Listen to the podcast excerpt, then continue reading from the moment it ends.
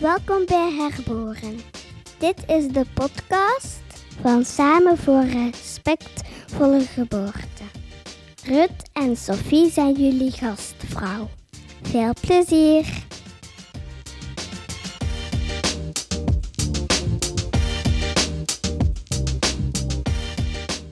Ik ben Rut Snijers. Ik ben vroedvrouw in het Leuvense Zorgcentrum naar Seksueel Geweld. En een van de oprichters ook van Samen voor Respectvolle Geboorte. Die twee schattige stemmetjes aan het begin en het einde van onze podcast, dat zijn Marie en Nelson. Dat zijn mijn kindjes.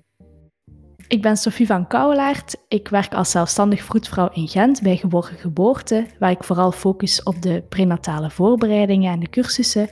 En daarnaast ook oprichter van Samen voor Respectvolle Geboorte.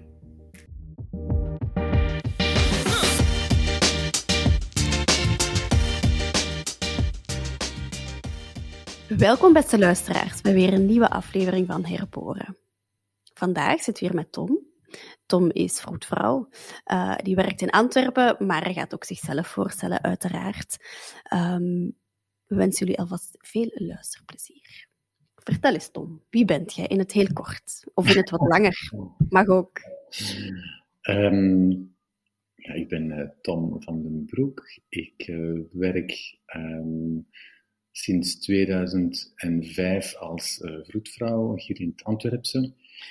Um, ja, ik ben begonnen, eigenlijk begonnen bij een gynaecoloog in Zaventem. Maar dat, dat, ja, ja, die mij had opgepikt in de les, die gaf les op de hogeschool. En uh, ik ben daar nog altijd dankbaar voor. Dat ik bij haar mee op consultatie mocht en dan zo uh, ja, arbeidsbegeleiding kon aanbieden thuis. Um, dat was eigenlijk een heel fijne ja, start al voor mij. want ik heb maar in één uh, ziekenhuis gesolliciteerd en dat was Sint-Vincentius. Omdat ik uh, in al mijn stages ja, gewoon um, daar mij het best op mijn gemak voelde, uh, het meeste kon vinden in hun visie. En dus heb ik echt gewacht tot, ik, uh, tot er daar een plekje vrij kwam. Okay. En daar mocht beginnen, en dat was dan in 2006. Ja, een beetje later.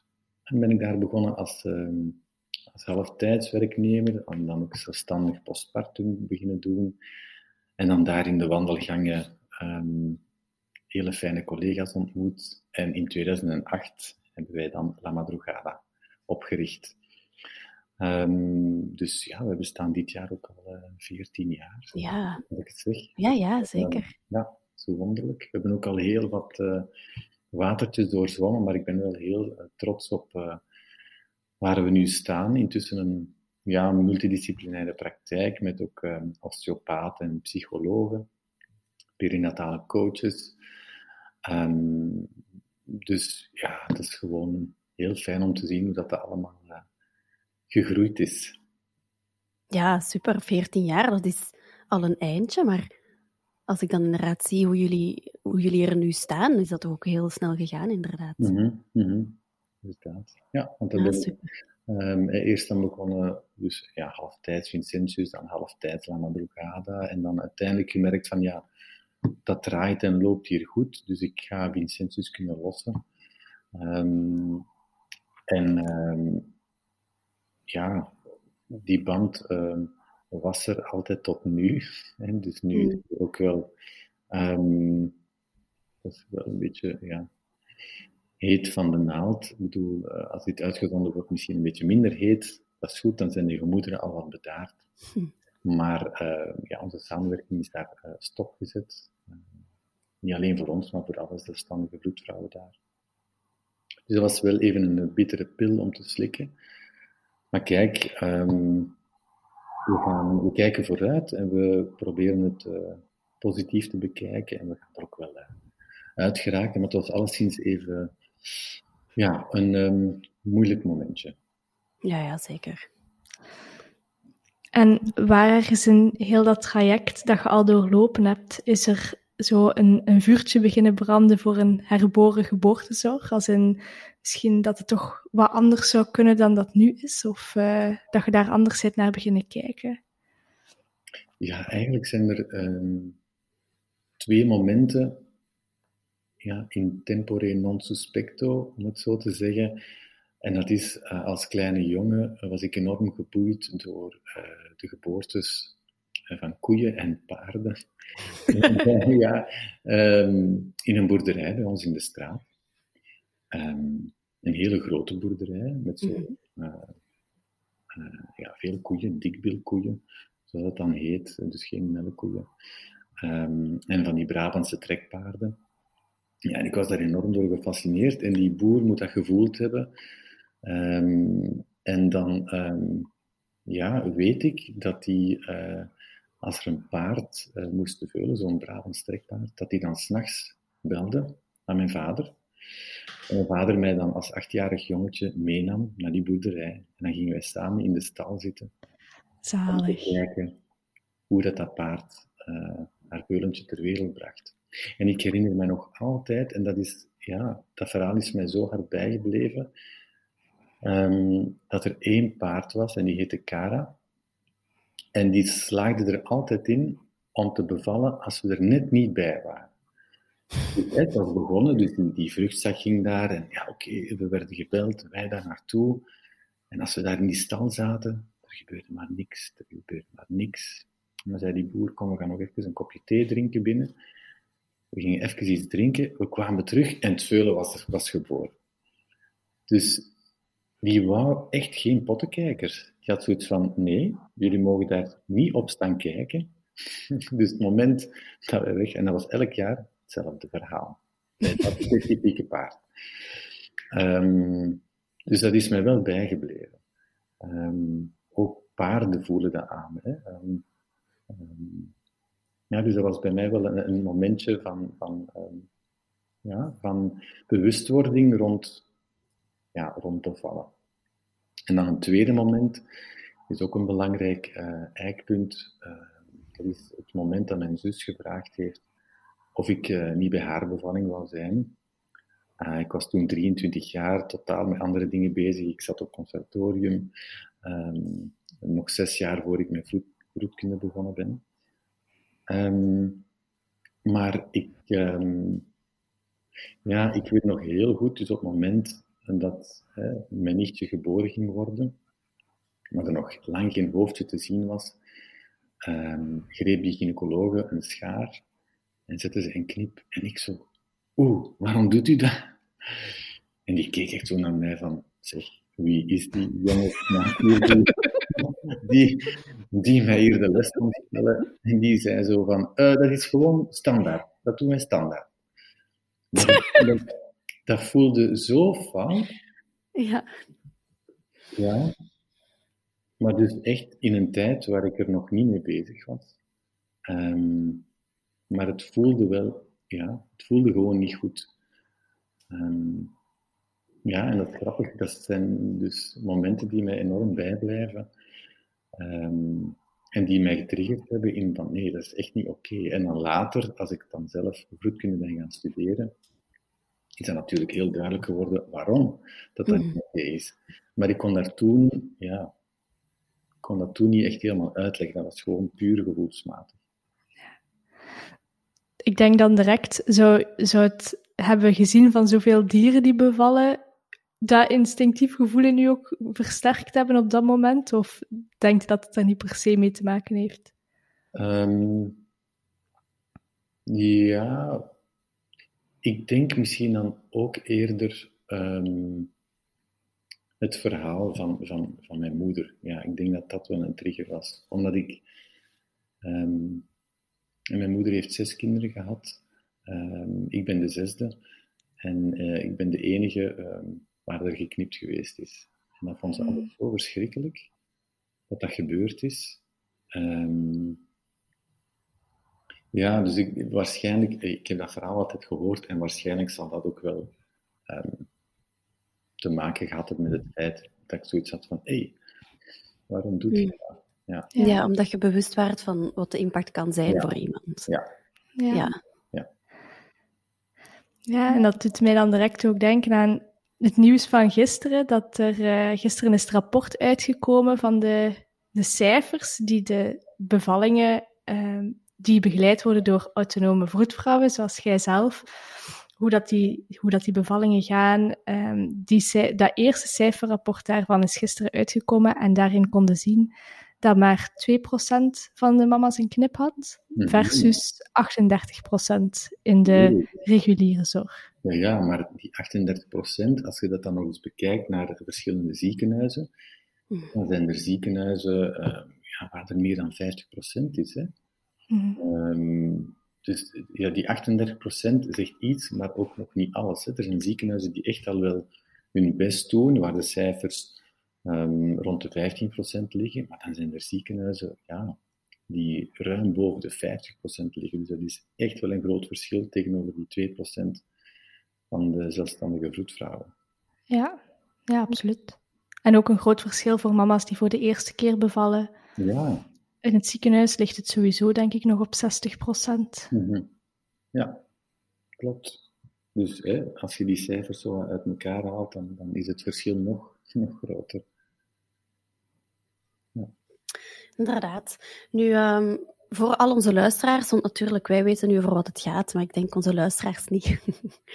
Wilt je nog een beetje meer vertellen over wat jij precies doet als autonome vroedvrouw? Ik denk dat de meesten van ons ondertussen wel door zullen hebben, maar voor zij die het nog niet weten en voor de volledigheid.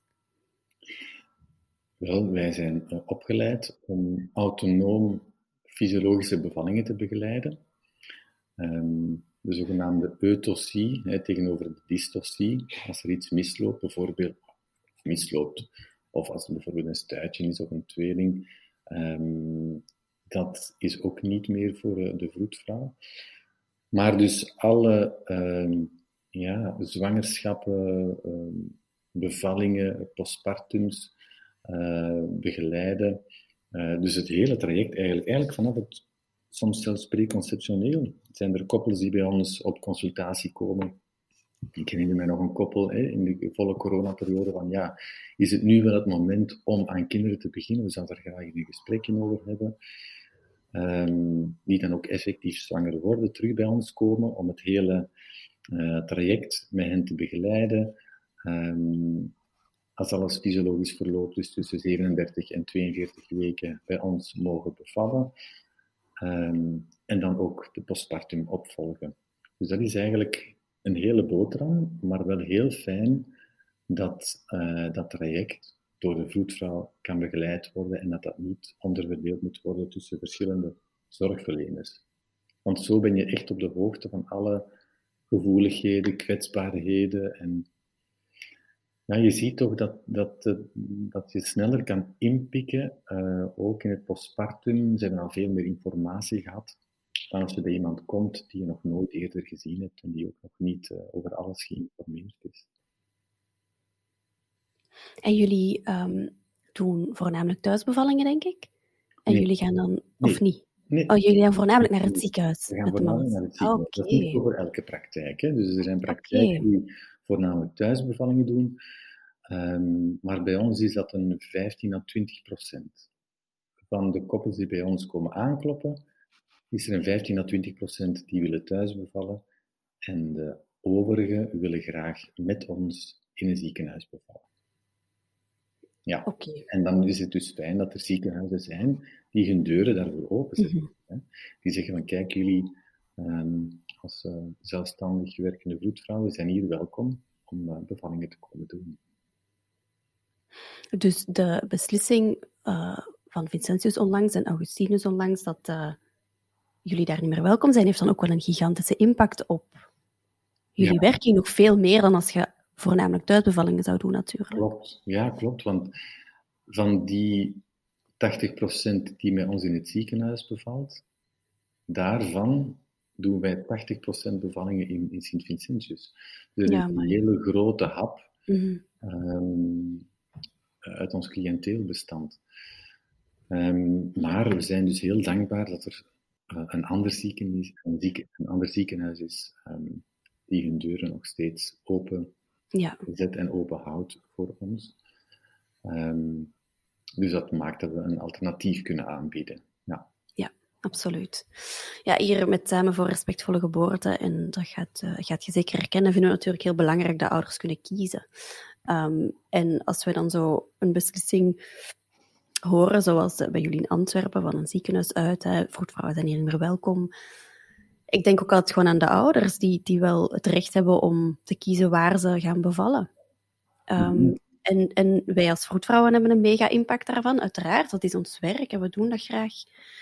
Ehm, maar ja, voor ouders is dat ook even, even hard eh, zoeken. Ja, maar wat nu en, en wat gaan we doen? En dat was wat ik wilde doen en dat kan opeens niet meer. En, en waar kan ik nog terecht? Ja, maar het is zo jammer dat die dus nooit gehoord zijn. Hè? Dus Exact, de- eigenlijk de belangrijkste partij in dit verhaal, namelijk de vrouw die gaat bevallen, Mhm. niet bevraagd geweest. Totaal niet. Dus die zijn gewoon voor een voldongen feit gezet. En ja, dat, dat, dat, daarom is er ook zoveel reactie op gekomen. Ja. Ja. Vanuit die vrouwen. Er wordt nog altijd heel vaak over de hoofden van de, de ouders zelf beslist, hè, Mhm. over wat voor hun het beste zou zijn. Alhoewel dat dat ook niet altijd de belangen zijn die misschien vooraan staan ehm, Mhm. bij het maken van zulke beslissingen. Hè? Want het gaat Mhm. ook niet om wat is nu het, de beste zorg die we kunnen bieden, zonder de, en dan is de conclusie zonder de zelfstandige voetvrouw. Dat is niet echt wat het daarachter zit, achter zulke keuzes. Dat gaat, dat gaat over hele andere dingen. Hè? Mhm. Ja, ja en, en ja, zij zeggen dan steeds van ja, maar jullie zijn nog welkom als doula. Maar ja, goed, we zijn geen doula. Hè. We, het, is, het is echt een verschil. Ehm, en ook, ja, je bent zelf zo geëvolueerd in het, ehm,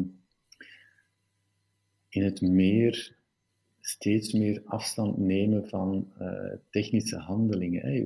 Je, bent zo opgeleid om, eh, je, moet, je moet zelf gaan onderzoeken, terwijl een vrouw kan zichzelf ook onderzoeken en voelen waar het hoofdje zit.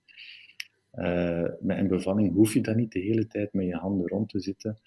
Ehm, dus zo die hands-off ehm, arbeid en bevalling is ook iets wat, ja, wat wij zo koesteren en wat dat we willen bewaken. En om dan als doula te gaan bijzitten bij een gynaecoloog die wel zegt van ja, je mag kiezen welke houding je neemt, oké, maar die dan toch te pas en te onpas die vingers daarin gaat steken en gaat perineum oprekken en nee, Mm.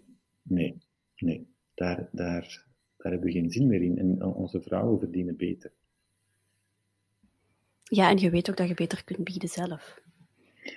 Ja, ja. Allee, en, en dat bedoel ik ook heel Nou, respectvol. Voilà, voilà. Hè? Dus dat, eh, dat we meer dan die wens van die vrouw gaan kunnen Ja, het is zo. ehm, inwilligen.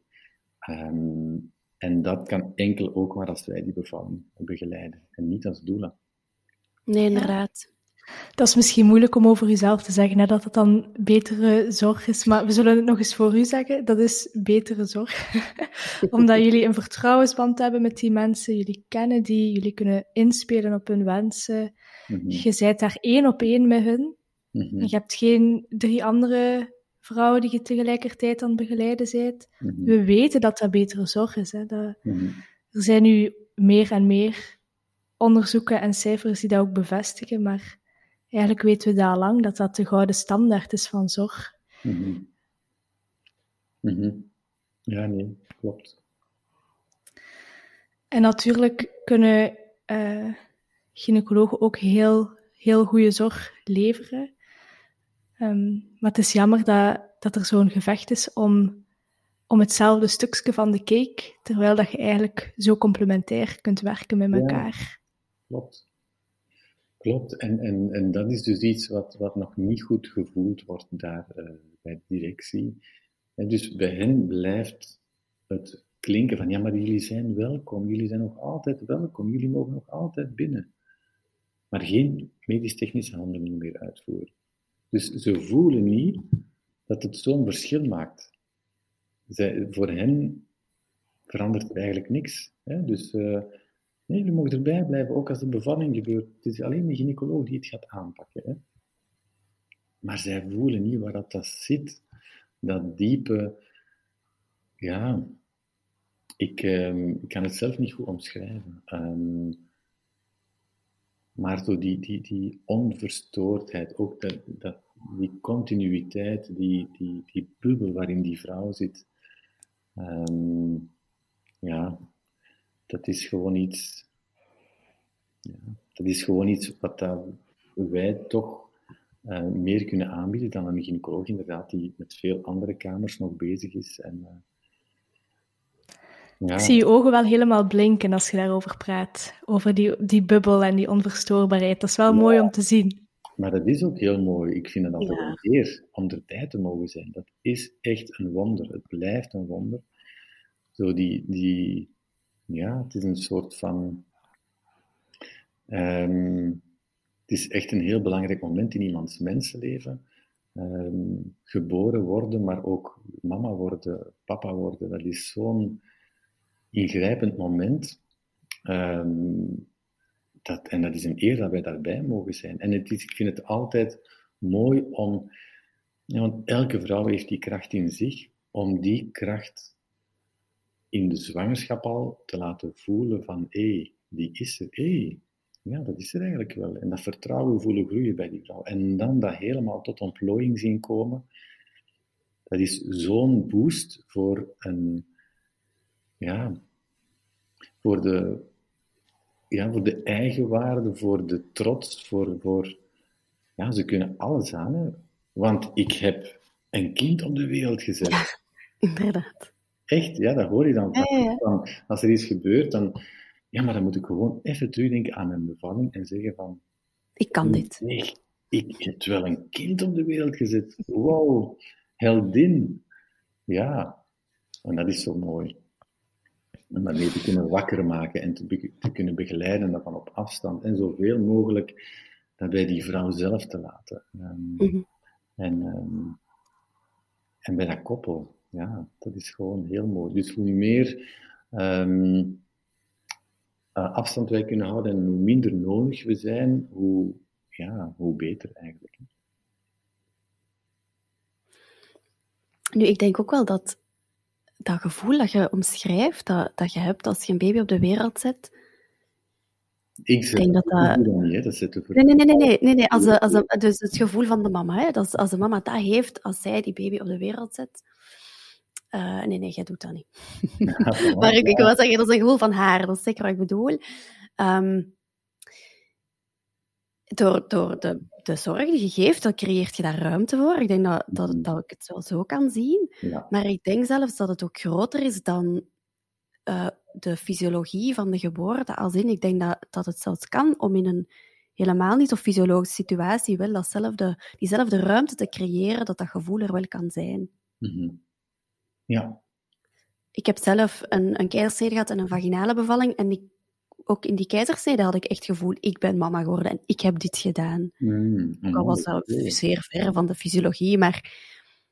En ik denk dat, dat het creëren van die ruimte, dat misschien toch ook wel een vroedvrouwverdienste is. Want ik denk dat je als mama die ruimte wel kunt pakken, mm -hmm. maar als die je eigenlijk niet wordt gegeven, is het wel verdomd moeilijk. Mm -hmm. Ja, maar daarom is het ook belangrijk dat er vroedvrouwconsultaties zijn om dat al in de zwangerschap aan te kaarten. Ja, het is niet inderdaad. als je een ziekenhuis binnenstapt, ook al ga je niet met ons bevallen, van oké, okay, ik kom niet bevallen, dus zeg mij maar wat ik moet doen. Um, ik leg mijn lot in jullie handen. Ja. Nee, je hebt veel zelf te beslissen en te bepalen. Hè. Zo de, die klikalarm. Ah ja, oké. Okay. Mm -hmm. nee, ik mag daar vragen over stellen. Ik mag zelf dingen uh, aanbieden of, of aanreiken van misschien wil ik toch liever zo. Um, dus, en dat, daar hebben we echt nog wel een, een weg af te leggen, um, vind ik. Um, dat we daar veel vrouwen nog voor mogen uh, warm maken en, en mogen in informeren. Als je het zo vertelt, dan klinkt vroedvrouw zijn, en je hoort dat ook vaak, als de mooiste job van de wereld. Mm -hmm. uh, zeker autonome bevallingen begeleiden. Mm. Um, en voor een stukje is er natuurlijk, denk, ah ja, natuurlijk, is er denk ik geen enkele job die je zoveel voldoening kan geven als uh, in die momenten. Maar er zijn ook wel heel pittige aspecten aan, aan die job. Mm. Um, zeker ook omdat er bepaalde dingen zijn die het moeilijker maken om die ruimte te kunnen creëren en om, um, om die zorg te kunnen bieden die je graag wilt bieden.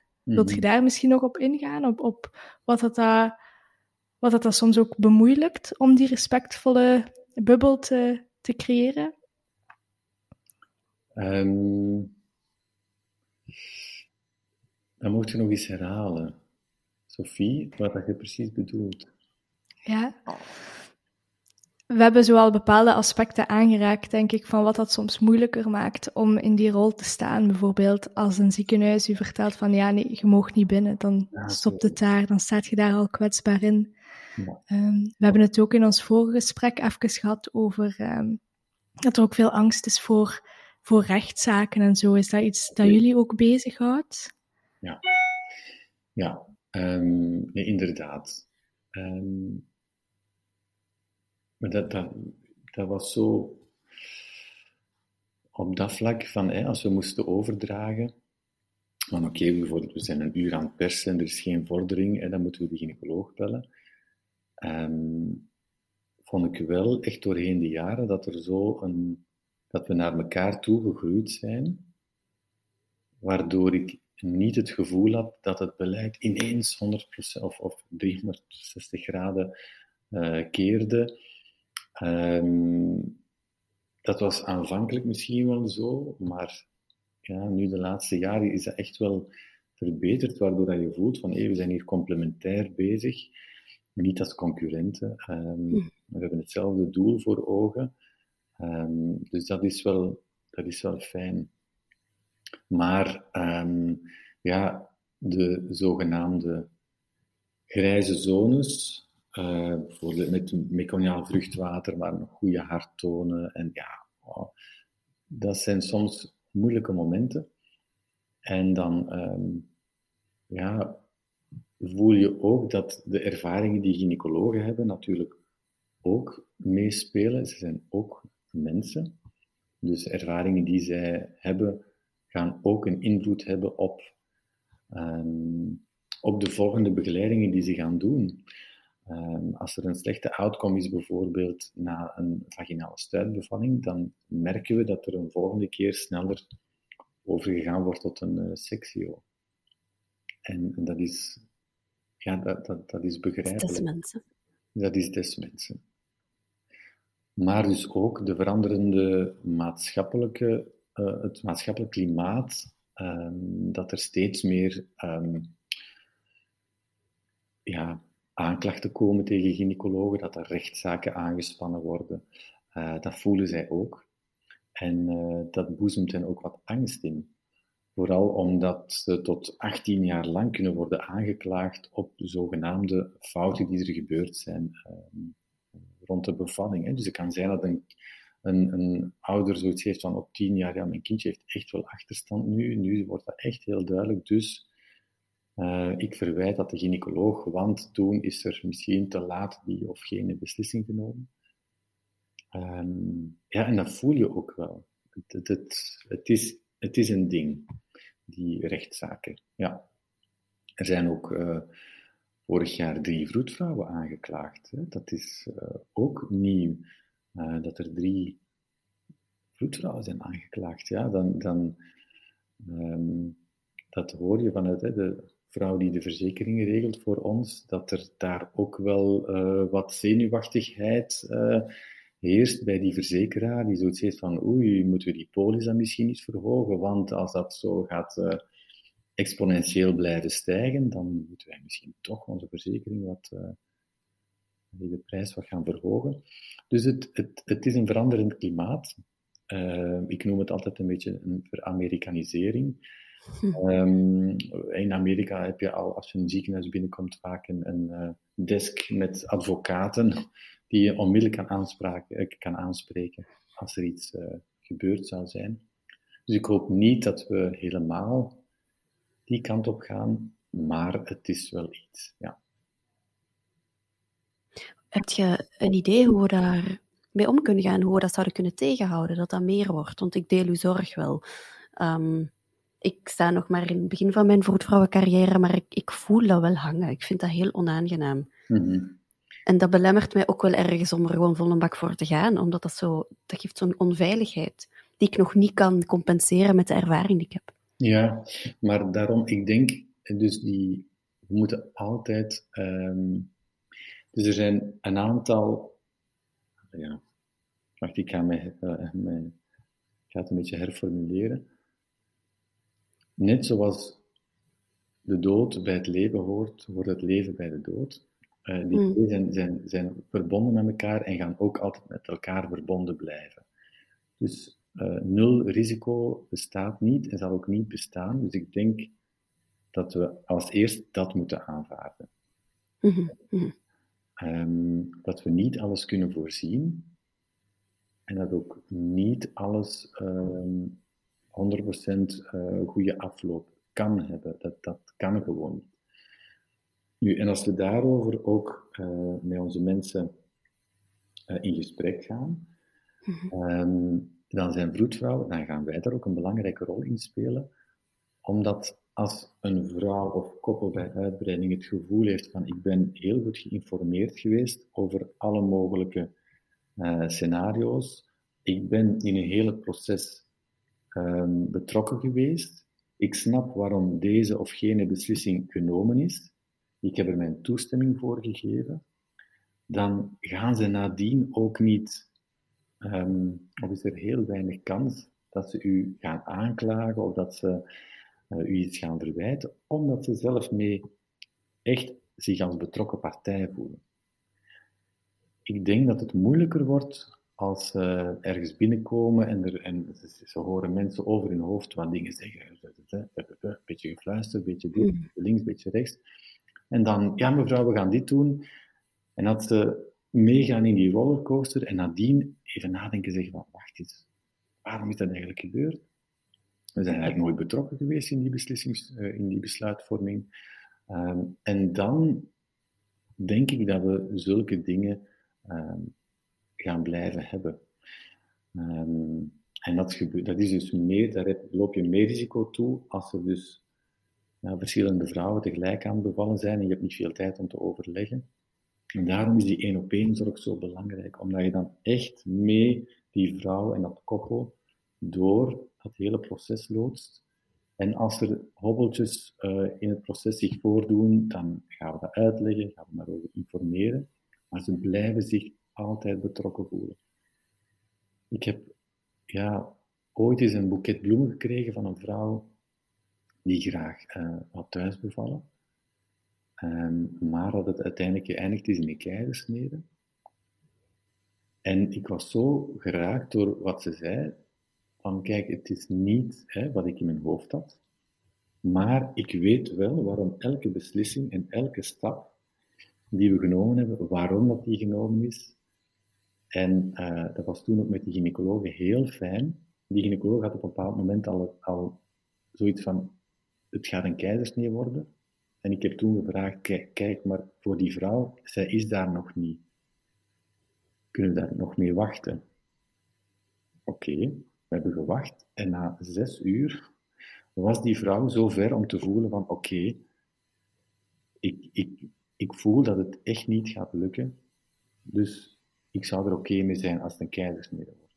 En dat was zo fijn dat we gewacht hebben op het moment dat die vrouw er zelf helemaal mee in het reinen was. Mm-hmm. Om die beslissing te nemen. En dat maakt dus dat zij zich betrokken partij voelde en is blijven voelen. Mm-hmm. En ook, ook al was het niet haar, hè, haar initieel idee, stond er ja, heel ver van, um, dat ze zich er toch ja, heeft bij kunnen neerleggen en, en er zich mee verzoend heeft. En dat is voor mij um, ja, dat is voor mij de sleutel. Mm-hmm. Ja, en ik denk dat dat vanuit die ervaring van die mama, dat zij ook het gevoel had, ik ben bevallen en ik heb dit gedaan. Mm-hmm. Want zij heeft telkens de regie behouden. Ja. En zij heeft de keuzes gemaakt. Zij heeft beslist wat er met haar lijf gebeurt. Dat is ja. gewoon een super bekrachtigend mm-hmm. iets. Los inderdaad van de uitkomst. Ja. Ja, dus ik denk dat we daarop moeten ja. zitten. En dat kunnen wij heel goed, omdat wij die één op één zorg bieden. Ja, absoluut. En, en, natuurlijk, je gaat het nooit weten of er dan iemand toch, ook al was het op het moment van de bevalling en de weken daarna tevreden over hoe het gegaan was, dat die, ja, misschien toch um, tien jaar later, wie weet, een zaak gaat aanspannen, who knows. Um, maar daarom mogen we niet te snel toch beslissingen gaan nemen van, want stel je voor dat, hè, zo over Ja, in tegendeel eigenlijk. Ja, voilà. En dat wil ik bedoelen. Net zoals we nooit 100% kunnen garanderen dat de outcome echt ja, is zoals we willen, gaan we ook niet kunnen vermijden dat er misschien toch eens een aanklacht gebeurt. Ehm, maar dat neemt niet weg dat we moeten blijven inzetten op blijven luisteren, blijven uh, informeren, blijven uh, die beide partijen betrokken houden in heel dat proces. Inderdaad, ik vind dat wel um, ook een hele mooie boodschap om mee te eindigen. Dat vat het wel mooi samen. Hè? Ik hoor u vooral zeggen, um, meer respectvolle zorg, als we daar naartoe willen gaan, dat is meer één op één zorg. Ja, meer één op één zorg, omdat um, ieder handelt vanuit zijn eigen kennis en kunde en zijn eigen bagage. Um, maar de sleutel is om dan, als je die kamer binnenkomt, om echt je antenne te richten op die persoon en helemaal je software te updaten op de kennis en kunde en de rugzak van die persoon. En daarmee u helemaal ja, op te laden en echt te voelen van oké, wie heb ik hier voor mij? En dat gaat veel, mee, veel makkelijker als je die één op één zorg biedt. Want als je met vier kamers, vier verschillende kamers bezig bent, ja, dan, en je wilt je antenne richten op die en dan op die, ja, dan staat er, ontstaat er ruis, verwarring, misverstanden. En dan handel je te veel vanuit jezelf. Um, zonder die, die, ja, die belangrijke informatie van die persoon mee in, in ogenschouw te nemen. Dus dat, voor mij is dat zo, ik zie het zo echt als je komt die kamer binnen, je richt je antenne, je, je laat je helemaal op met die gevoeligheden, met die rugzak, met die bagage van die vrouw. En van daaruit gaan we handelen. Is dat iets wat dat ook zou kunnen als je in een ziekenhuis werkt, in de tweede lijn als vroedvrouw, en je hebt het hele traject nog niet meegedaan, prenataal? Denk je dat dat kan? Ik denk dat dat kan als we meer fulltime equivalent krijgen in het ziekenhuis. Mm Inderdaad, als we die ruimte hebben dan als zorgverlener. Ja. ja. ja. exact eigenlijk hoor ik u dan ook zeggen dat die vertrouwensband opbouwen op dat level, dat dat wel een, een, een diepgaand level is met, twee, allez, met zorgverlener en uh, de persoon die aan bevallen is, dat nog niet eens zoveel tijd hoeft te kosten. Nee, nee, inderdaad. Nee. Ik volg u daar wel in daar niet van, maar ik denk dat dat even expliciet zeggen wel uh, een nieuw kan zijn voor sommige van onze luisteraars. Omdat we, ik denk dat velen van ons wel uh, het idee hebben van dat, ja, vertrouwen, dat, dat winnen, dat kost tijd. En, en daar gaat je heel de zwangerschap lang aan werken. Tijdens alle prenatale consultaties, elke keer als ik naar de vroedvrouw ga als mama, elke keer als ik een mama zie als vroedvrouw. Maar dat klopt, dat hoeft helemaal niet zo te zijn. Nee, ik heb zelf ook gewerkt in een ziekenhuis. Hè. Ja, ja inderdaad. Ik weet, um, ik weet dat dat mogelijk is. Mm -hmm. Want je hebt sowieso een dossier dat je kan inkijken of inlezen. En er is altijd een eerste moment, ontmoetingsmoment. Um, ja, en, en ik, ik heb dat toch altijd zoveel mogelijk proberen te doen. Nu, ik moet wel toegeven dat als ik op de gang stond, de gang heet dat dan, uh, waar, dat de, uh, waar de bevallen vrouwen liggen, um, ja, dat dat soms het moeilijk maakte, omdat ik echt mijn tijd wou nemen, waardoor ik soms niet op tijd klaar geraakte en ik dan andere collega's belastte van, ah ja, die kamer van Tom moeten we ook nog doen. Mm. En dat was geen fijn gevoel. En dus dat was een soort, ja, dat was toch een, een, frictie tussen wat ik eigenlijk voor ogen had van goede zorg bieden, zonder dan eigenlijk collega's te moeten belasten. Um, en daarom denk ik dat gewoon, er moeten meer fulltime equivalenten zijn.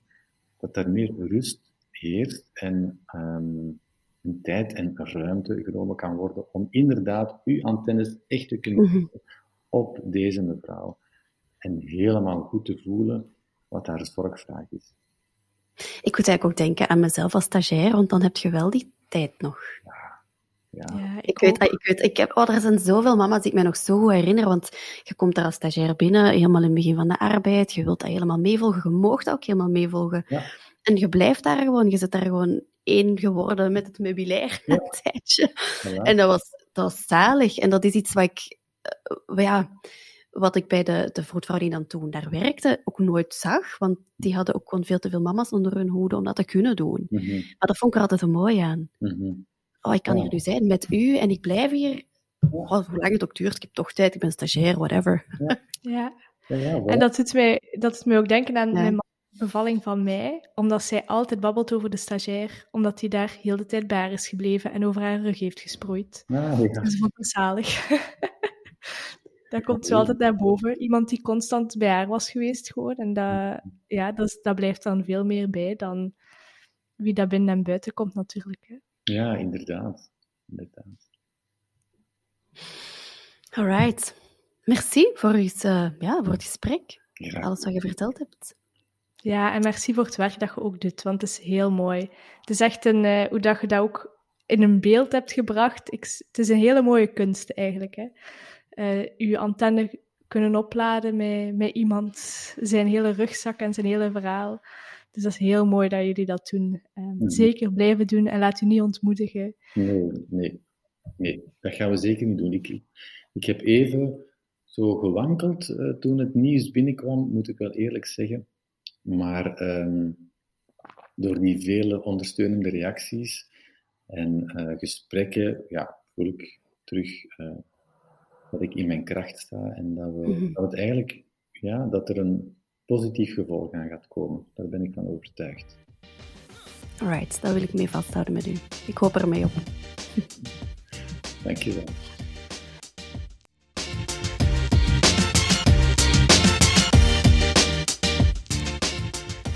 De aflevering zit er weer op. We kijken er naar uit om van jullie te horen. Je kan ons ook ondersteunen door een review achter te laten of door een centje te storten op onderstaand rekeningnummer.